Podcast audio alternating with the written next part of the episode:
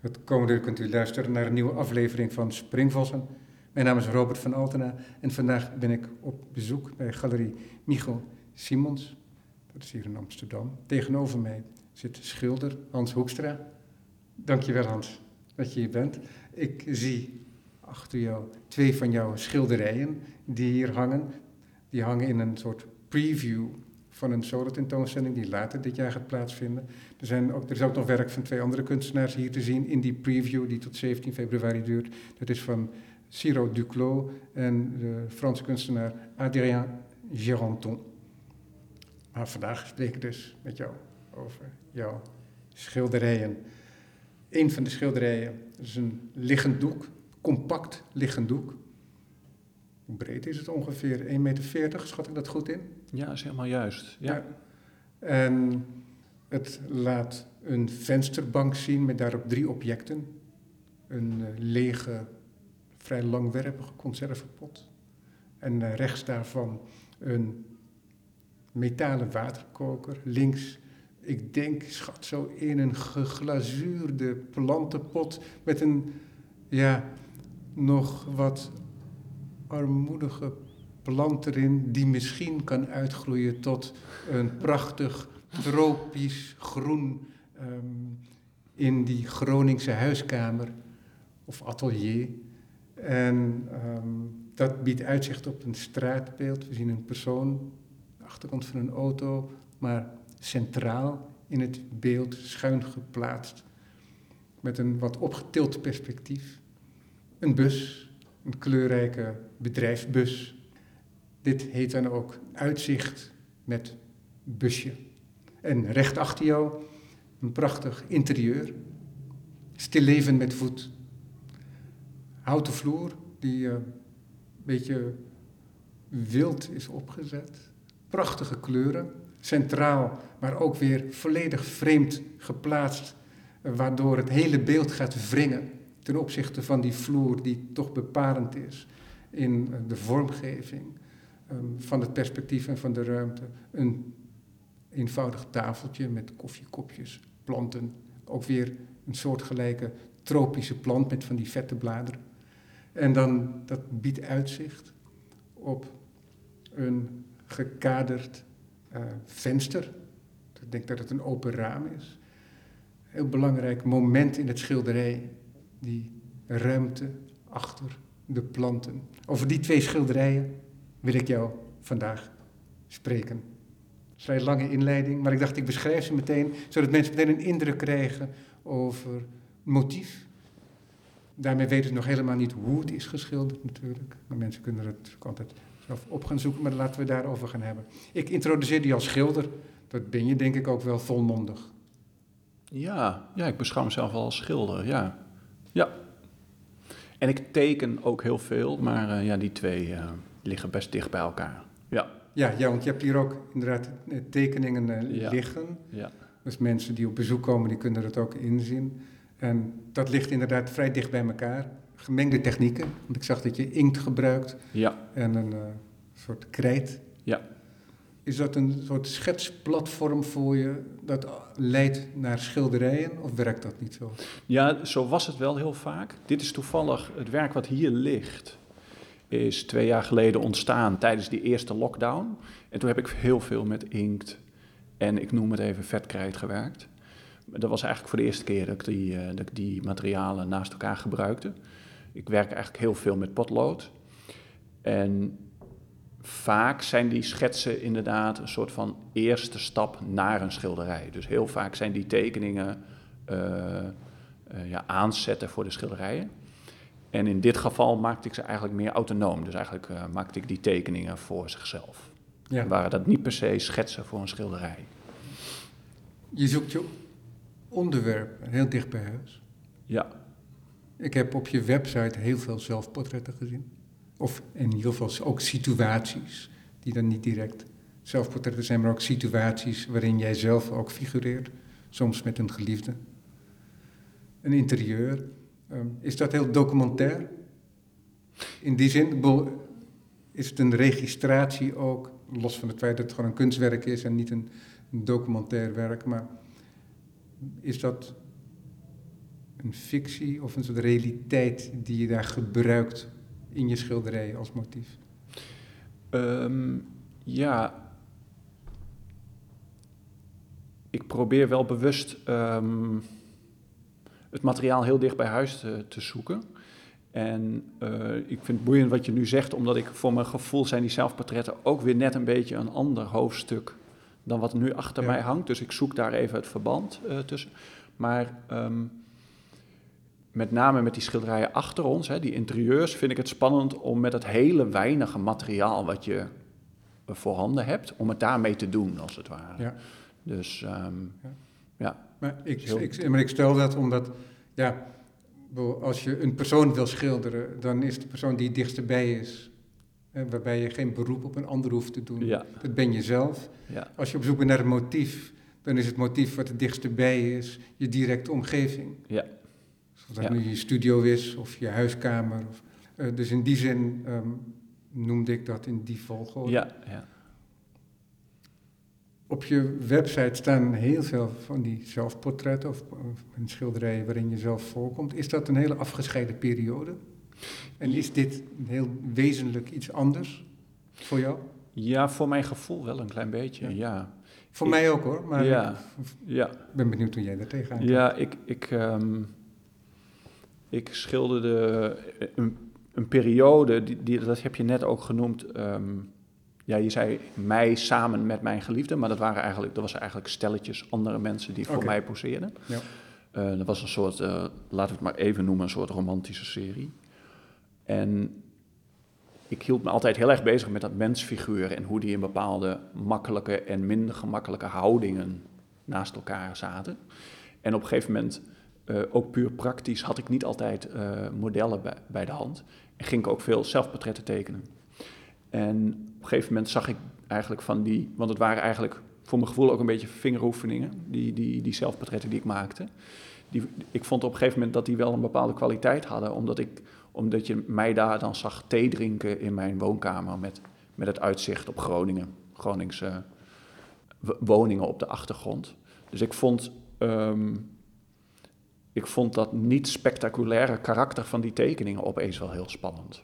Tegenover die, die romantiek die ik probeerde te, te, te, te, vinden tussen twee mensen. Dus toen ben ik eigenlijk daarmee verder gegaan. Ik dacht, dat is misschien wel eigenlijk wel een uh, spannender thema. En ja, ik vind het toch leuk om te noemen eigenlijk. Op een gegeven moment uh, zat ik uh, s'avonds met een vriend, zaten we bij elkaar en hij was best wel dronken. En hij zei, Hans, ik keek laatst naar jouw werk en toen dacht ik, schilderen zijn huis. En ik werd een beetje pissig, want ik schilderde altijd mensen. En ik dacht, ik ben een mensenschilder. Maar wat hij eigenlijk wilde zeggen is, uh, ik zie dat jij zo van dat schilderen houdt. En waarom moet het altijd mensen zijn? Schilderen is iets anders, waarbij je misschien helemaal los kan gaan in dat schilderen. En hij triggerde mij daarmee enorm.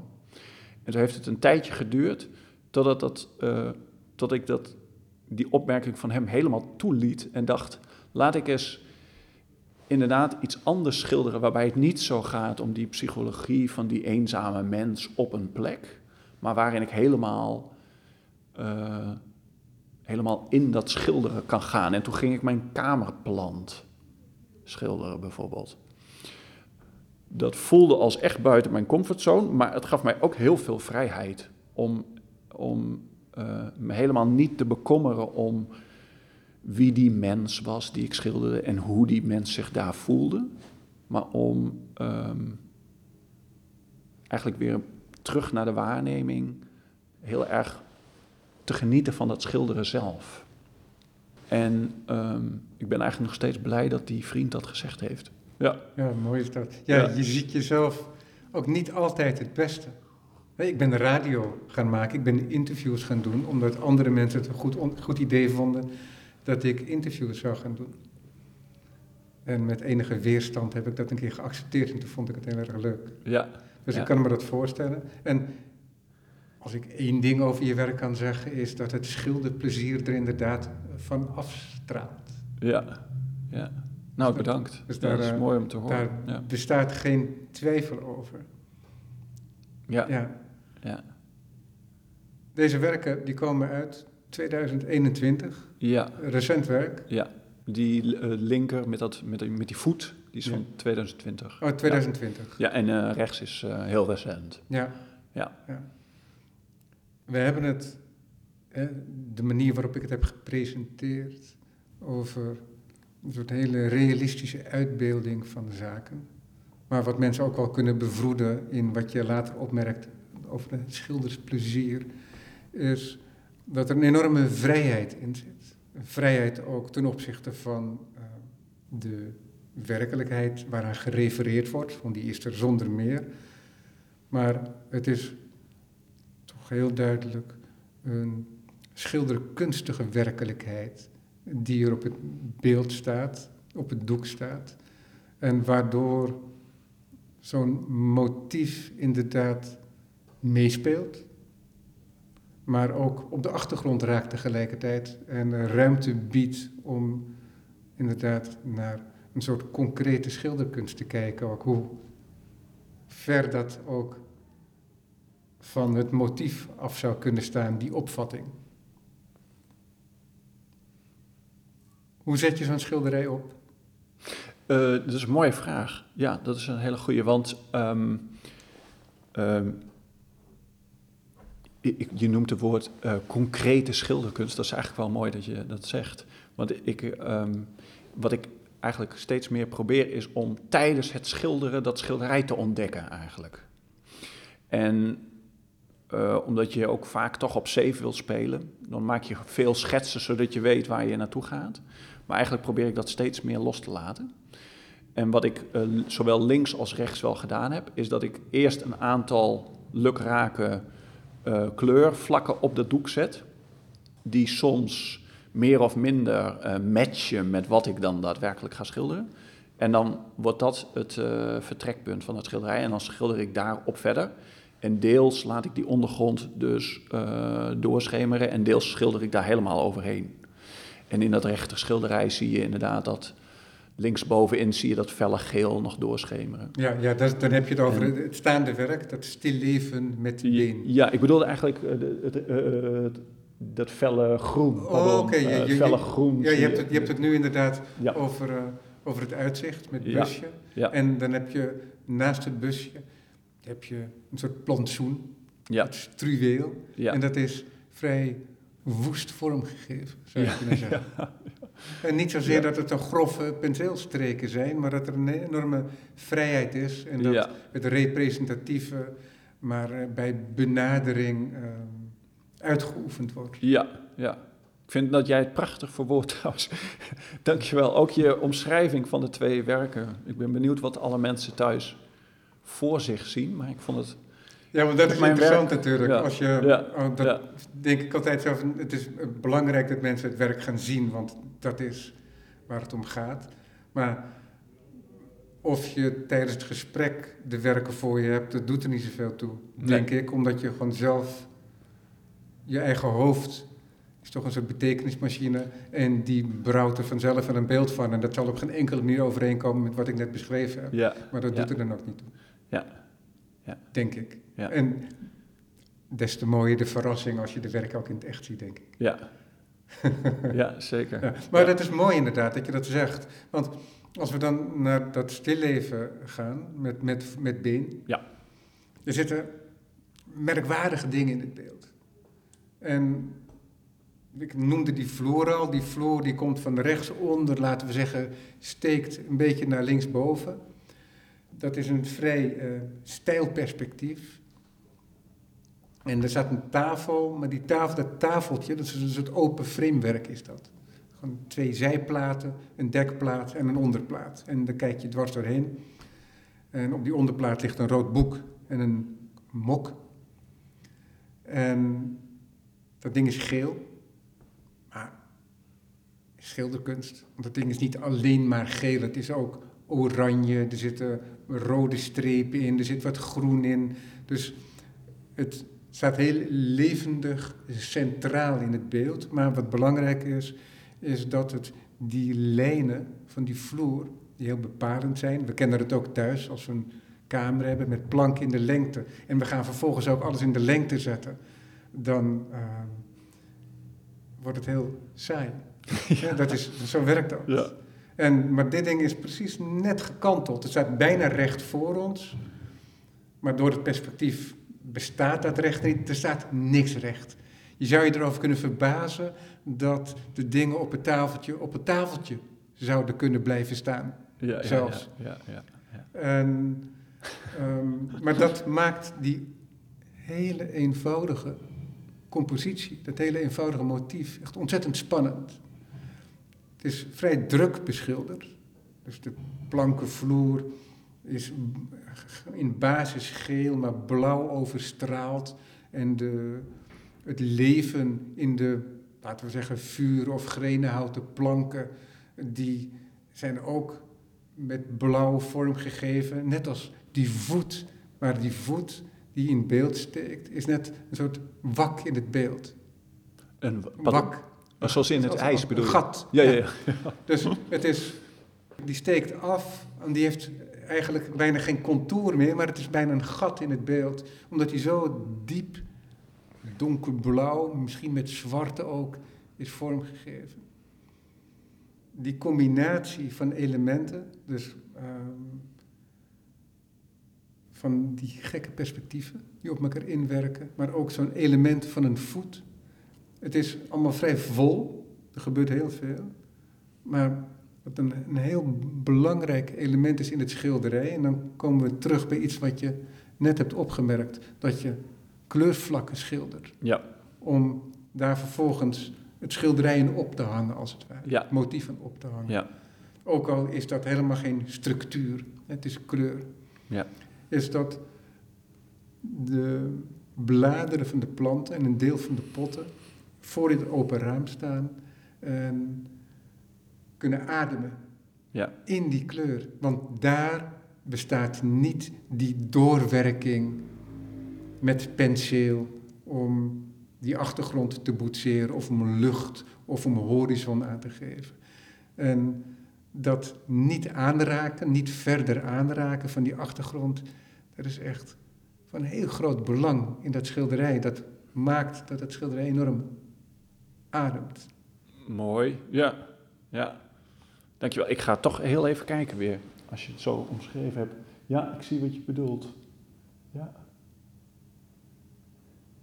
Ik ben veel te veel aan het woord, bedenk ik me nu ook. Maar ik ben gewoon ook enthousiast over het werk. En dat is het gevaar als het werk erbij is. en ik kijk jou aan en dan zie ik tegelijkertijd ook de schilderijen. Dus ik, ik zal me vanaf nu wat meer beperken tot, gewoon tot, tot vragen weer. Maar ja, ik, ik zei net, hoe zet je het op? En toen gaf je, gaf je me dit cadeau. Dat je zei zo van, ja, ik begin met wat kleur. Ja, en, en ik... Um, in het verleden maakte ik eigenlijk veel meer schetsen van tevoren. Ja. Dus dat ik al heel, heel goed wist van oké, die plant die komt dan rechtsboven in beeld. En dat voet en die voet uh, rechtsonder. En ik probeer dat eigenlijk steeds meer los te laten, zodat ik me misschien zelfs tijdens het schilderen in de problemenwerk dat dingen niet handig erin geplaatst wordt. Zodat ik mezelf dan tijdens dat schilderen uh, uh, dat ik dat probleem tijdens het schilderen moet oplossen in het schilderen zelf. Ja. En dan kom je soms tot vreemde oplossingen die je nooit had kunnen bedenken in een schetsfase. Ja. En dat is eigenlijk wat ik, wat ik steeds meer probeer. Ik denk, vermoed dat het nu meer in dat rechter schilderij zit dan, dan in dat linker. Hoewel ik daar ook wel schetsen gemaakt heb. Maar het gevaar met veel schetsen is dat je daar de, de compositie te harmonieus... of eigenlijk te veel volgens hoe jij geleerd hebt dat een evenwichtige uh, compositie ja. in elkaar steekt. Dat het daar te veel aan beantwoordt. En dat probeer ik eigenlijk steeds meer uh, los te laten. Ja. Er is een heel mooi tekstje, daar heb ik het wel vaker over gehad voor deze microfoons. Maar goed, weet je, soms heb je van die dingen die je mooi vindt en die herhaal je dan. Dus mensen moeten het mij maar niet kwalijk nemen. Een tekstje uit 1903 of 7 van Henri Matisse. Note d'un peintre. Een essay. En in het is, oh nee, sorry, ik vergis me nu. Het is uit zijn boek Jazz, dat grote boek, waarin hij ook met een handschrift, waarin hij schrijft en waarin hij uh, beschrijft hoe hij in een veld loopt en à la caillette, dus al plukkende, een boeket samenstelt in uh, de kom van zijn arm. in de knik van zijn arm. En dan in zijn studio aangekomen, probeert hij dat boeket te herscheppen, zodat hij hem kan schilderen. Maar het heeft niet dezelfde, het straalt niet op dezelfde manier. Het is, en dat is precies, en dat is ook een genie natuurlijk van Matisse, die het ook heel goed onder woorden kon brengen, is dat, dat is het probleem van de kunstenaar. Je bent niet de werkelijkheid aan het namaken, nee, je moet echt iets opnieuw scheppen. Dat is altijd artificieel. En het is de kunst om dat artificiële een soort eigen natuur te laten zijn. Ja, ja zeker. En dat is eigenlijk wat je hier ook beschrijft. Ja. Wat ik interessant vind, is dat je eerst veel meer schetste, maar het had ook niet een oplossing voor jou geweest als jij 15 jaar geleden al zo begon te werken. Nee, want dat heeft jou ook gemaakt als kunstenaar. Ja. Ja. En dat is iets wat je, een soort vrijheid, die je, en ik projecteer nu van alles op jou, hè, maar een soort vrijheid die je gewonnen hebt in de loop ja. der jaren. Voelt dat zo? Ja, zeker wel. Ja, ja ik denk dat ik, ehm, hoewel ik, ik, ik studeerde dus op uh, Kunstacademie Minerva en, en voor veel mensen heeft die, die academie een hele traditionele naam, hè, dat het een hele traditionele school is. En dat was er nog wel een klein beetje, maar dat was eigenlijk al, al heel erg verdwenen. En toch denk ik dat ik nog een relatief gedegen uh, schilderopleiding heb gehad. Kwam ook door de keuzes voor docenten die ik destijds maakte. Ik merk ook dat ik best wel veel soort van ingesleten uh, regels heb. Hè, bijvoorbeeld als je een model schildert, dat je dan niet uh, het beeld afsnijdt bij de enkels. Hè? Of dat je het model van onderaf naar boven schildert, enzovoort, enzovoort. Dat zijn eigenlijk allemaal dingen die ik, die ik uh, die, dat zijn ingesleten regels. En dan vind ik het ook best wel pittig om ze te overtreden. Af en toe denk ik van, kan ik ze ook net zo goed toch, ja. toch nog volgen. Dat kan ongemakkelijk voelen. Ja, ja, ja. Maar ik ben heel blij, ik wil even terugkomen op Matisse, want ik ben wel ontzettend... Uh, ontzettend verheugd dat je over dat, die tekst begint, want hij eindigt met Renoir hè, ja. in die tekst, dat Renoir zegt, ik pluk buiten een boeket en als ik dan ga schilderen, schilder ik hem vanaf de andere hoek als ik hem had samengesteld. En ik vertelde dit verhaal een keer aan een, uh, aan een zen-monnik in Groningen. En die vertelde toen van, oh, dat is een mooi verhaal. Hij zei, uh, er is een, een verhaaltje van een, um, een jonge monnik, die moet dan de tuin schoonmaken, de tuin vegen. En die heeft dat dan gedaan. En dan roept hij zijn meester en dan komt de meester buiten, die kijkt om zich heen. En die schudt dan eens geweldig aan de boom. En dan vallen er allemaal bladeren uit die boom. En dan zegt hij, nu is het perfect. Mooi. En, en uh, misschien in die scholing die ik dan heb gehad, en dan heb ik het niet over de ateliers, want daar wil ik natuurlijk geen, geen kwaad woord over zeggen, ook niet over Academie Minerva, maar in die wat traditionelere achtergrond, daar laat je soms dat, dat toeval of dat niet geregisseerde niet zo gauw toe. En ik denk dat ik daarmee speel. Of dat ik dat steeds meer ruimte wil geven in mijn werk. Ja, precies. Maar het is, dat, maar het is ook een soort spanningsveld waar je opbouwt eigenlijk, voor jezelf. Ja. Ook al is dat misschien voor mij niet eens zichtbaar. Ja. want dat is natuurlijk wat belangrijk is voor de kunstenaar, is niet per definitie belangrijk voor de liefhebber die naar je schilderij kijkt. Ja. ja. Denk ik. Ja, nee, dat, dat, dat uh, ja. ja. Dus dat voelt een beetje ondeugend voor jou, in zekere zin, of niet? ja. Sorry dat ik dat woord gebruik. Ja, ik, wil, nee, ik, wil, ik, wil, het niet tot iets lulligs ja, maken. Nee, maar... maar uh, uh, ja, dat voelt wel een beetje ondeugend, ja. ja. Nee, het klinkt nu alsof een jongetje één keer een snoepje steelt en denkt dat hij een enorme boef is. Ja. Maar uh, ja, ja nee, kijk, wat, wat, er, wat er gek aan is natuurlijk, is dat wij nu al enige tijd, hè, dat is niet van 2022, gewend zijn dat, je, dat je niet opgroeit met regels. ja. dus het is een soort regeloosheid. Ja. En je regels, dus die elementen waar je aan vasthoudt, die moet je zelf ontdekken. Door schade en schande. Dat is een beetje, denk ik, de leer die heerst. Maar er is al zoveel voorhanden waar je gebruik van kunt maken. En dus in die zin is het ook helemaal niet zo gek. Het is misschien bijna weer nieuw om op een academische wijze geschoold te worden. Ja. En Ja. je van daaruit, van daaruit de vrijheid te zoeken. Ja. Maar het hangt ook een beetje toch ook af van je eigen karakter natuurlijk. Ja, wat, wat bij je past of wat niet. Ja. Je hebt ooit voor Academie Minerva gekozen. Ik weet niet wat daar de beweegredenen achter waren. Snap je? Dat kan zijn omdat je ja, eh, opgegroeid bent in Friesland en dat dichtbij was. ja, Maar het kan ook iets heel anders zijn geweest. ja, ja. Maar wij zitten nu hier. Ja. En ik kende dat hele verhaal niet. En ik zag van de week deze twee schilderijen. En die vond ik heel intrigerend. En ik vind het ook heel mooi om een eh, heel open woord te gebruiken. Maar die, dat zeg ik wel heel frank, want ze zijn ook echt heel mooi. En er zit ook echt heel veel schildersplezier in. Ook in detail.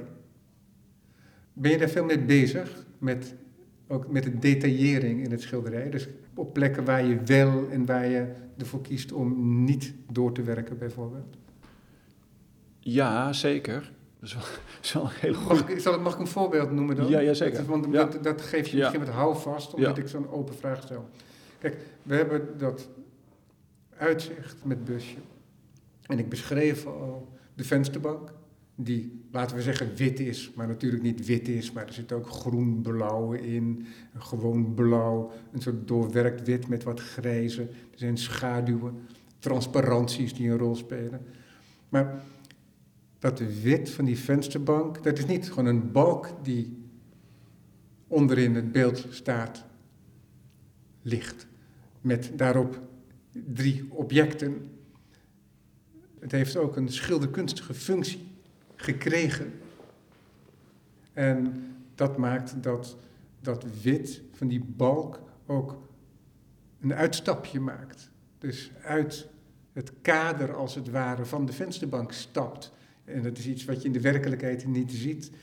En ik zei al in het midden een vrij langwerpige conservepot.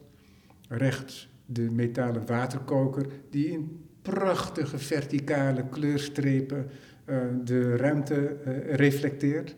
Een verticale kleurstrepen die mij ook weer brengen, omdat ze nu eenmaal bij elkaar hangen, naar de kaders van het venster in het andere schilderij.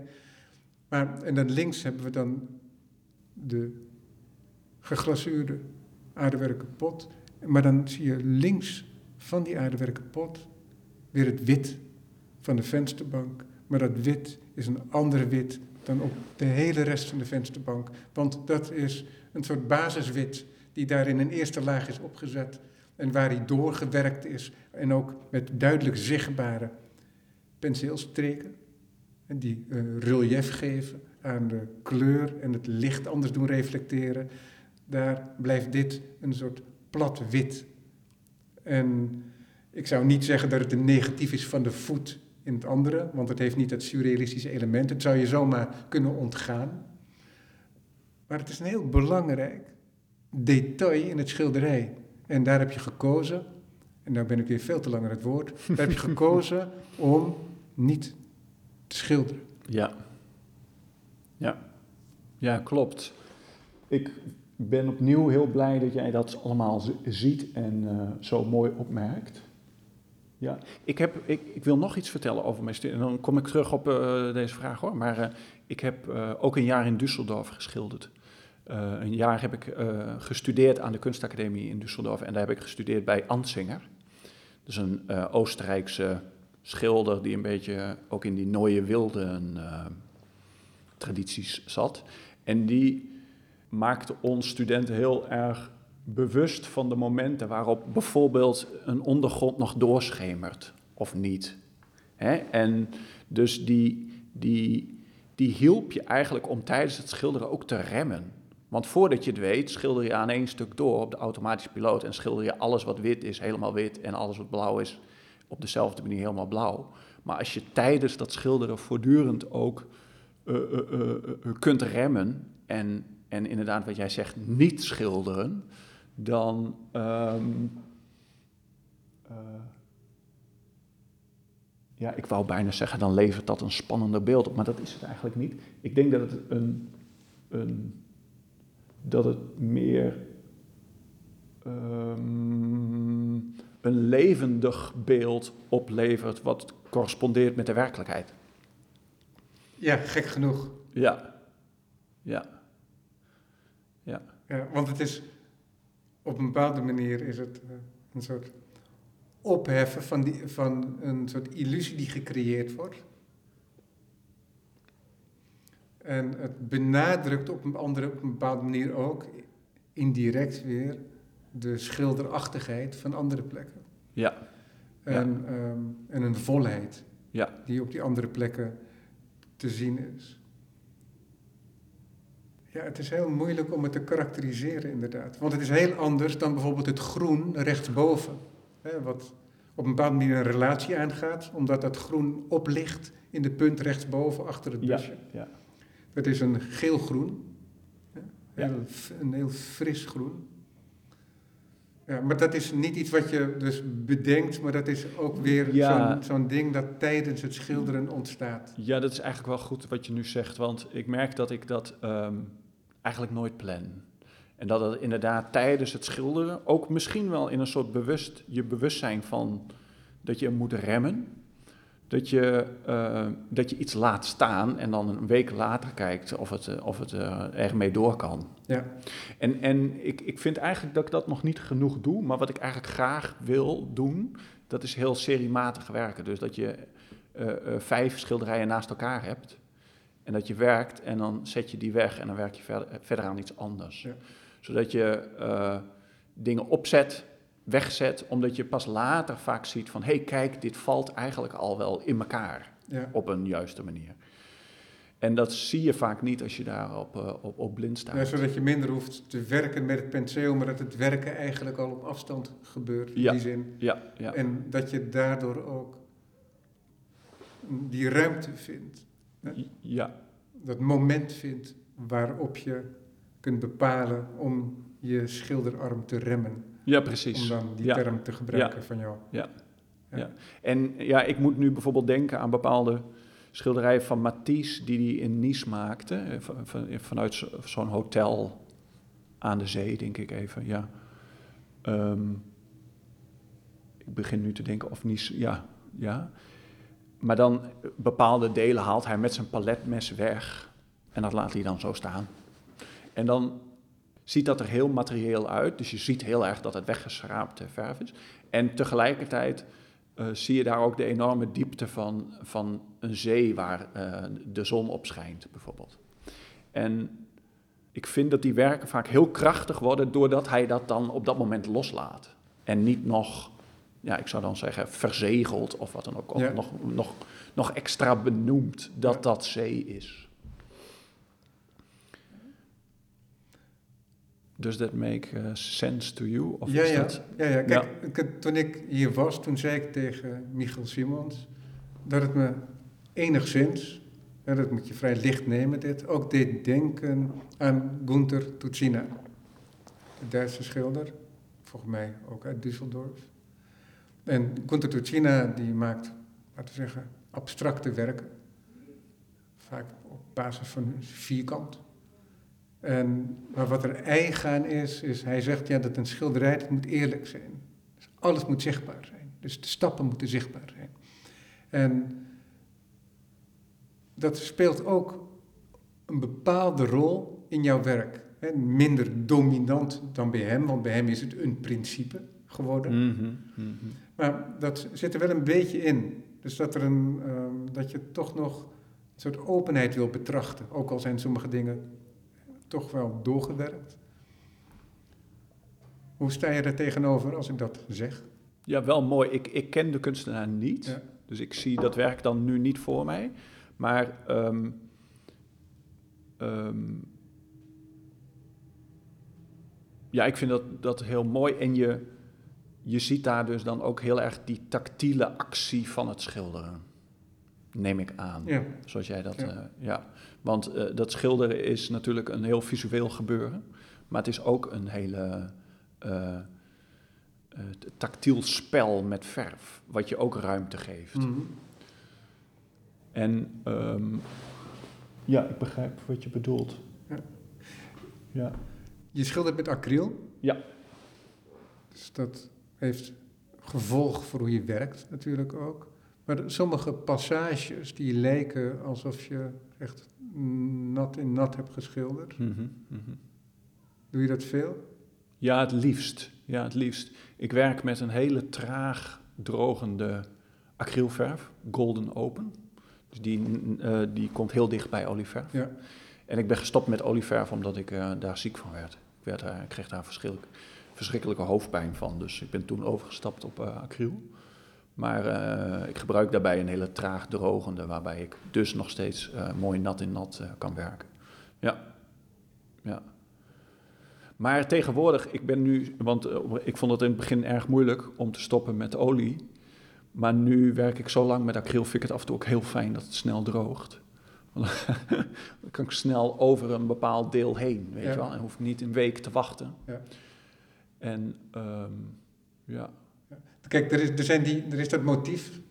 En dat zijn, laten we zeggen, uh, banale motieven, alledaagse motieven.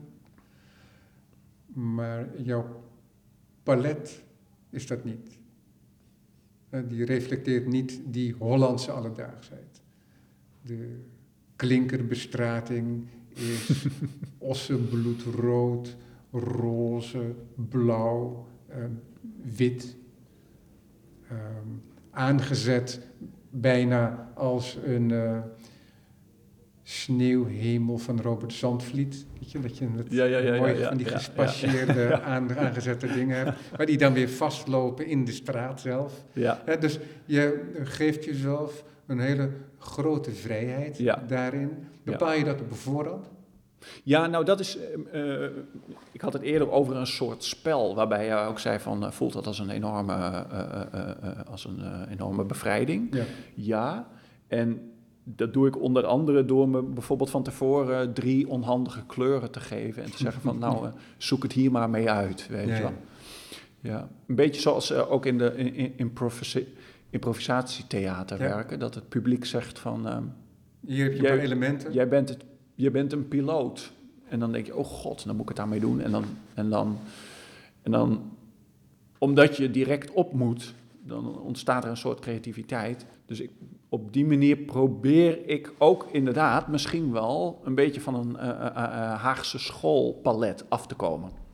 Wat ik mijzelf eigenlijk in het verleden ook een beetje aangeleerd had heel erg vanuit het grijs. Dus wat jij net zegt, die Hollandse alledaagse kleurenpalet, had ik wel heel erg. ja. ja, dat had ik heel sterk. Ja. En, en um, dus ik denk dat ik steeds meer een beetje een soort spel creëer tijdens het werken. Wat inderdaad dan uh, dit, dit soort uh, kleurgebruik in de hand werkt. Ja. ja. ja. Doe je dat al lang op die manier? Ja, schoorvoetend, steeds een klein beetje en dan weer een klein beetje terug. Ja, want het ziet er niet uit nu, het ziet er echt uit alsof dat gewoon jouw manier van werken is. Ja, ja, ja.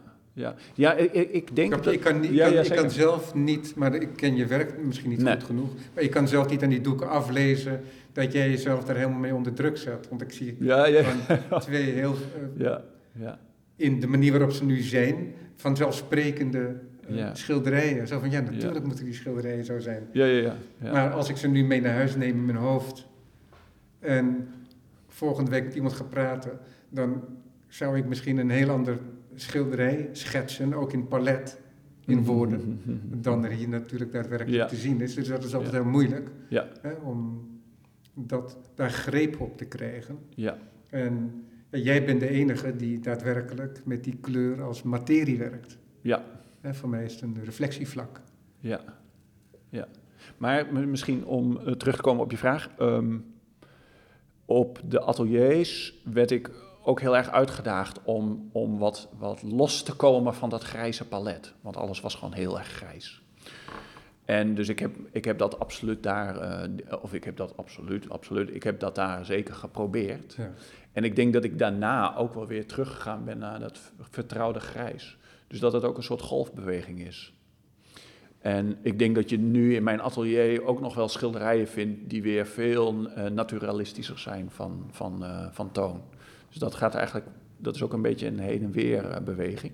Maar ik denk dat je over de afgelopen 15 jaar wel kan stellen dat er echt veel meer kleur gekomen is. Ja. ja.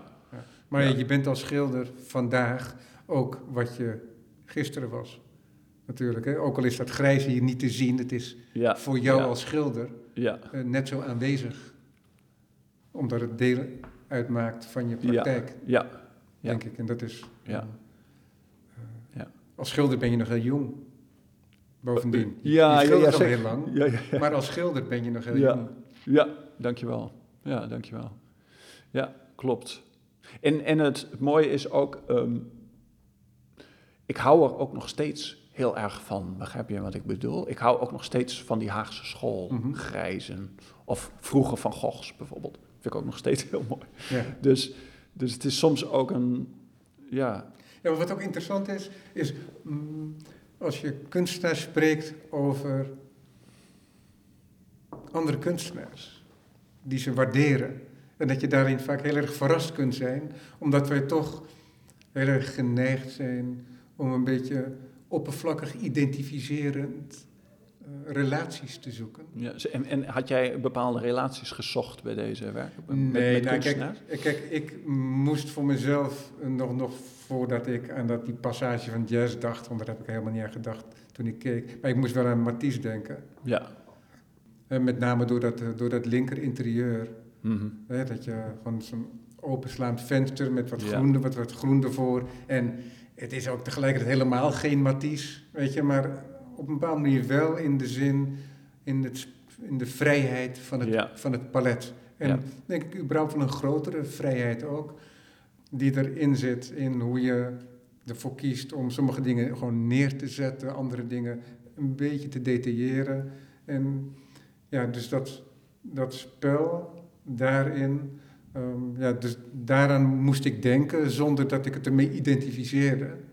Maar ja het, ja, het is ook niet zo belangrijk, dat soort associaties, denk ik. Het kan je heel vaak ook belemmeren om naar de schilderij te kijken als je bij eerste kennismaking de associaties de vrije hand geeft. Dus die, dat probeer ik altijd terug te trappen. De kast in en dan wil ik rustig even kijken. En als ik daarna naar gekeken te hebben, dan laat ik dat, laat ik dat wel toe. Ja. Dus ik moet eerlijk zeggen dat het vrij rustig was wat associaties betreft. Hè. Er was hier net een bezoeker die Philip Gasten even noemde. Ja, dat kan, hè, door wat surrealistische elementen en laten we zeggen een soort wat hele kleine cartoonachtige details Ja, hè, die ja, eruit ja, getild worden. ja. Ehm, dat kan, Ja. maar dat, dat, hoeft, dat hoeft, ook, hoeft ook niet natuurlijk. Nee. Het is, eh, maar, dus ik denk ook niet dat het zo belangrijk is. Nee. En ik denk ook voor mensen thuis kan het heel erg verstorend zijn, ook überhaupt, omdat ze dan, Ja.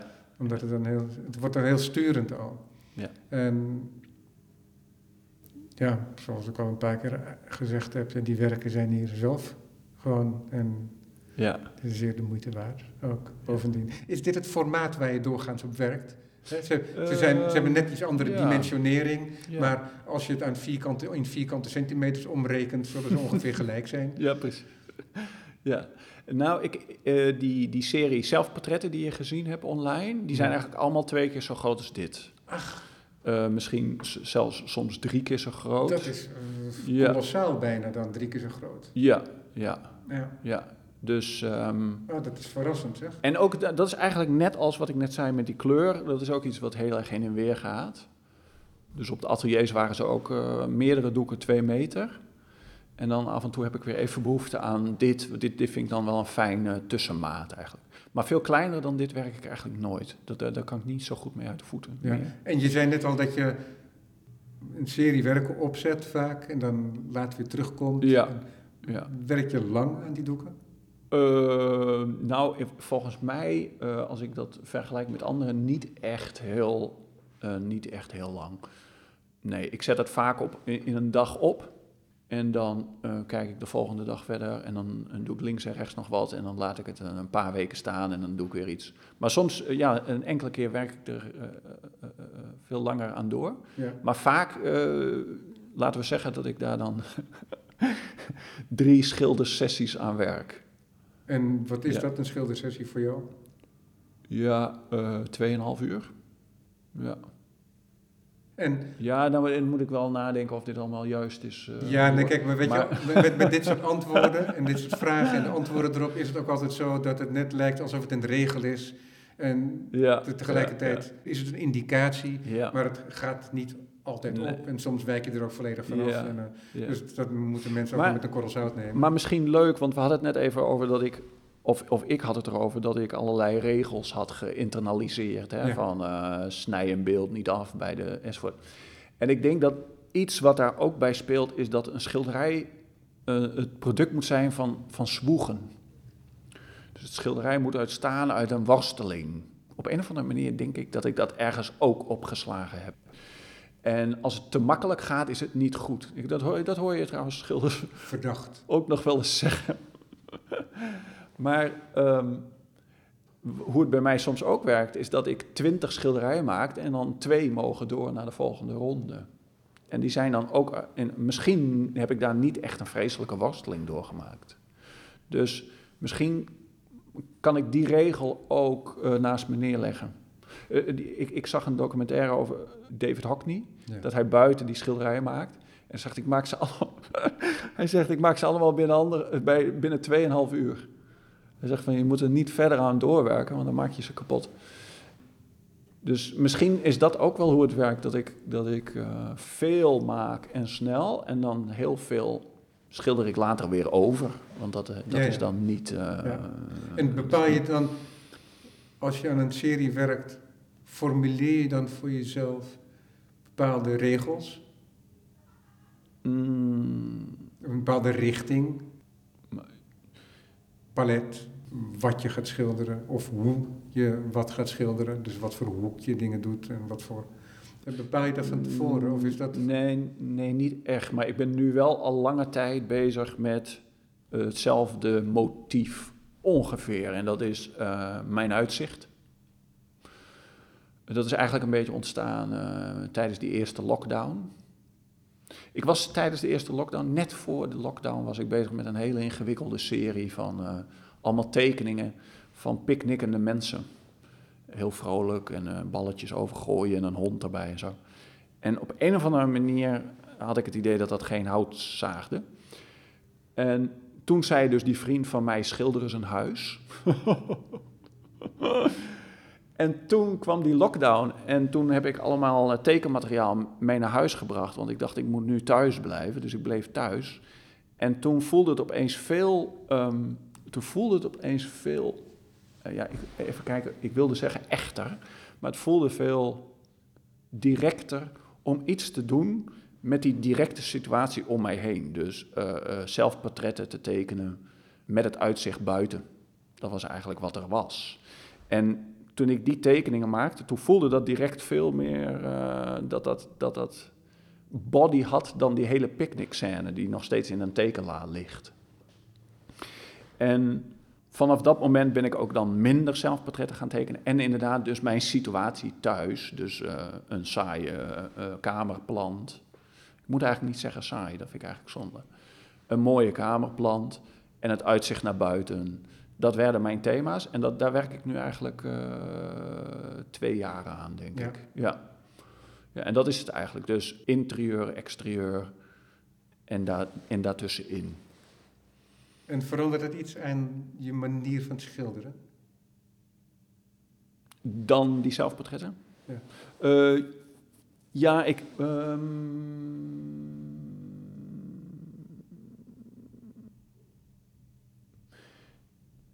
ja, ik denk dat dat zich organisch langzaamaan eh verandert. Maar er is wel wat veranderd. Ja, Ja. ja, ja. En doe je een mise en scène? Even kijken dat ik. eh, dat, je, eh, denkt dat je dat uitzicht niet voor lief neemt, maar dat je denkt van nou, ik moet daar nog een glazen pot tussen die Ja, ja, ja, ja, ja, en die ja, ja. waterkokerpot. Ja, dat zal ik dan nu bekennen hoe dat gegaan is. Ik had, ehm, ik had dat zo. Het stond zo ongeveer zoals het daar nu geschilderd staat. En ik dacht dus, oké, ik ga dus minder regisseren. Ik schilder gewoon zoals het eh, zich aandient. En toen opeens liep dat meisje daar, wat je buiten ziet lopen, die liep daar. Maar ik had die linkerplant nog niet geschilderd. En als ik die had geschilderd op de plek waar die stond, dan moest, dan moest die plant over die vrouw heen geschilderd worden. Dus toen heb ik die, heb ik die plant naar links verplaatst. Ja. Dus ik doe daar wel aan. ja, ik doe daar wel aan. En links is volledig eh mise en scène. Ja. Ah, dat is interessant ja, inderdaad. Ja, ja, dat is volledig eh geanceneerd. Nee, niet mooi. volledig, want in het midden ligt die broodbak. Die, die heb ik daar eh, laten staan. Ja, een soort lunchtrommel. Ja, lunchtrommel. Met daarnaast mijn pennenbakje. Ja, dus een combinatie daarvan. Ik oefen sinds, eh, sinds oktober, eh, doe ik elke ochtend, dat noem ik dan free drawing.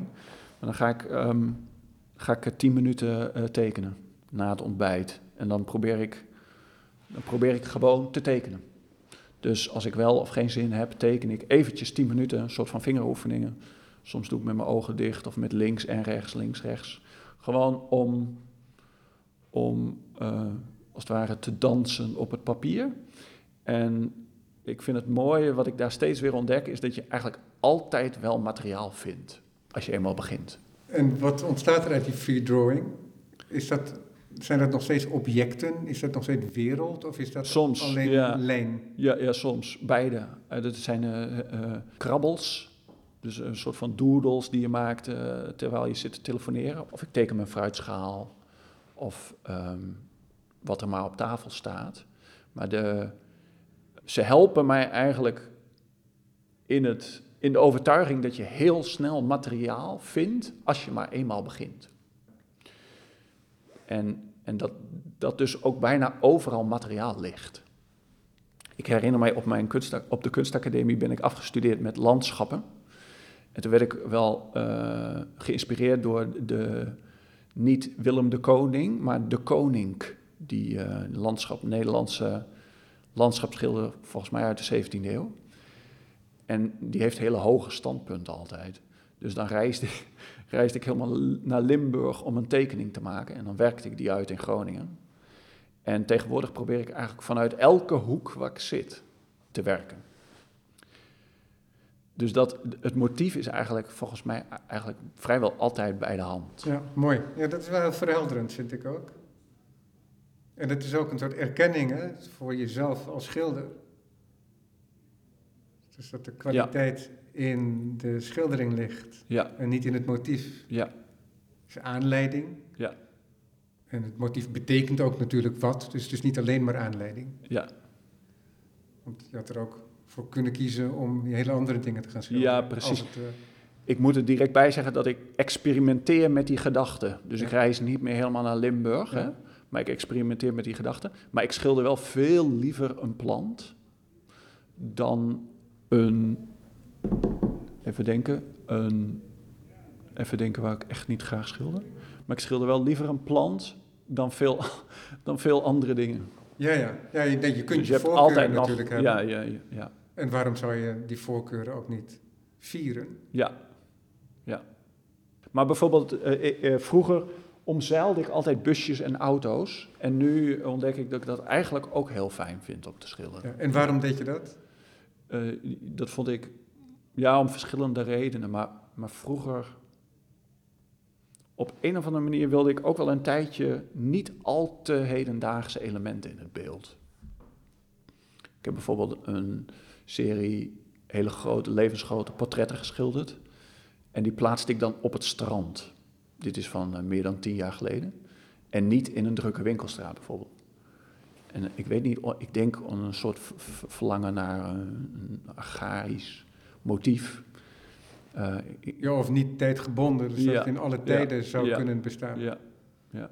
Maar ik las dit laatst ook over... Hoewel een schildering natuurlijk ook altijd weer zijn tijd ja, re- reflecteert ja, ja. op een of andere manier. Ja.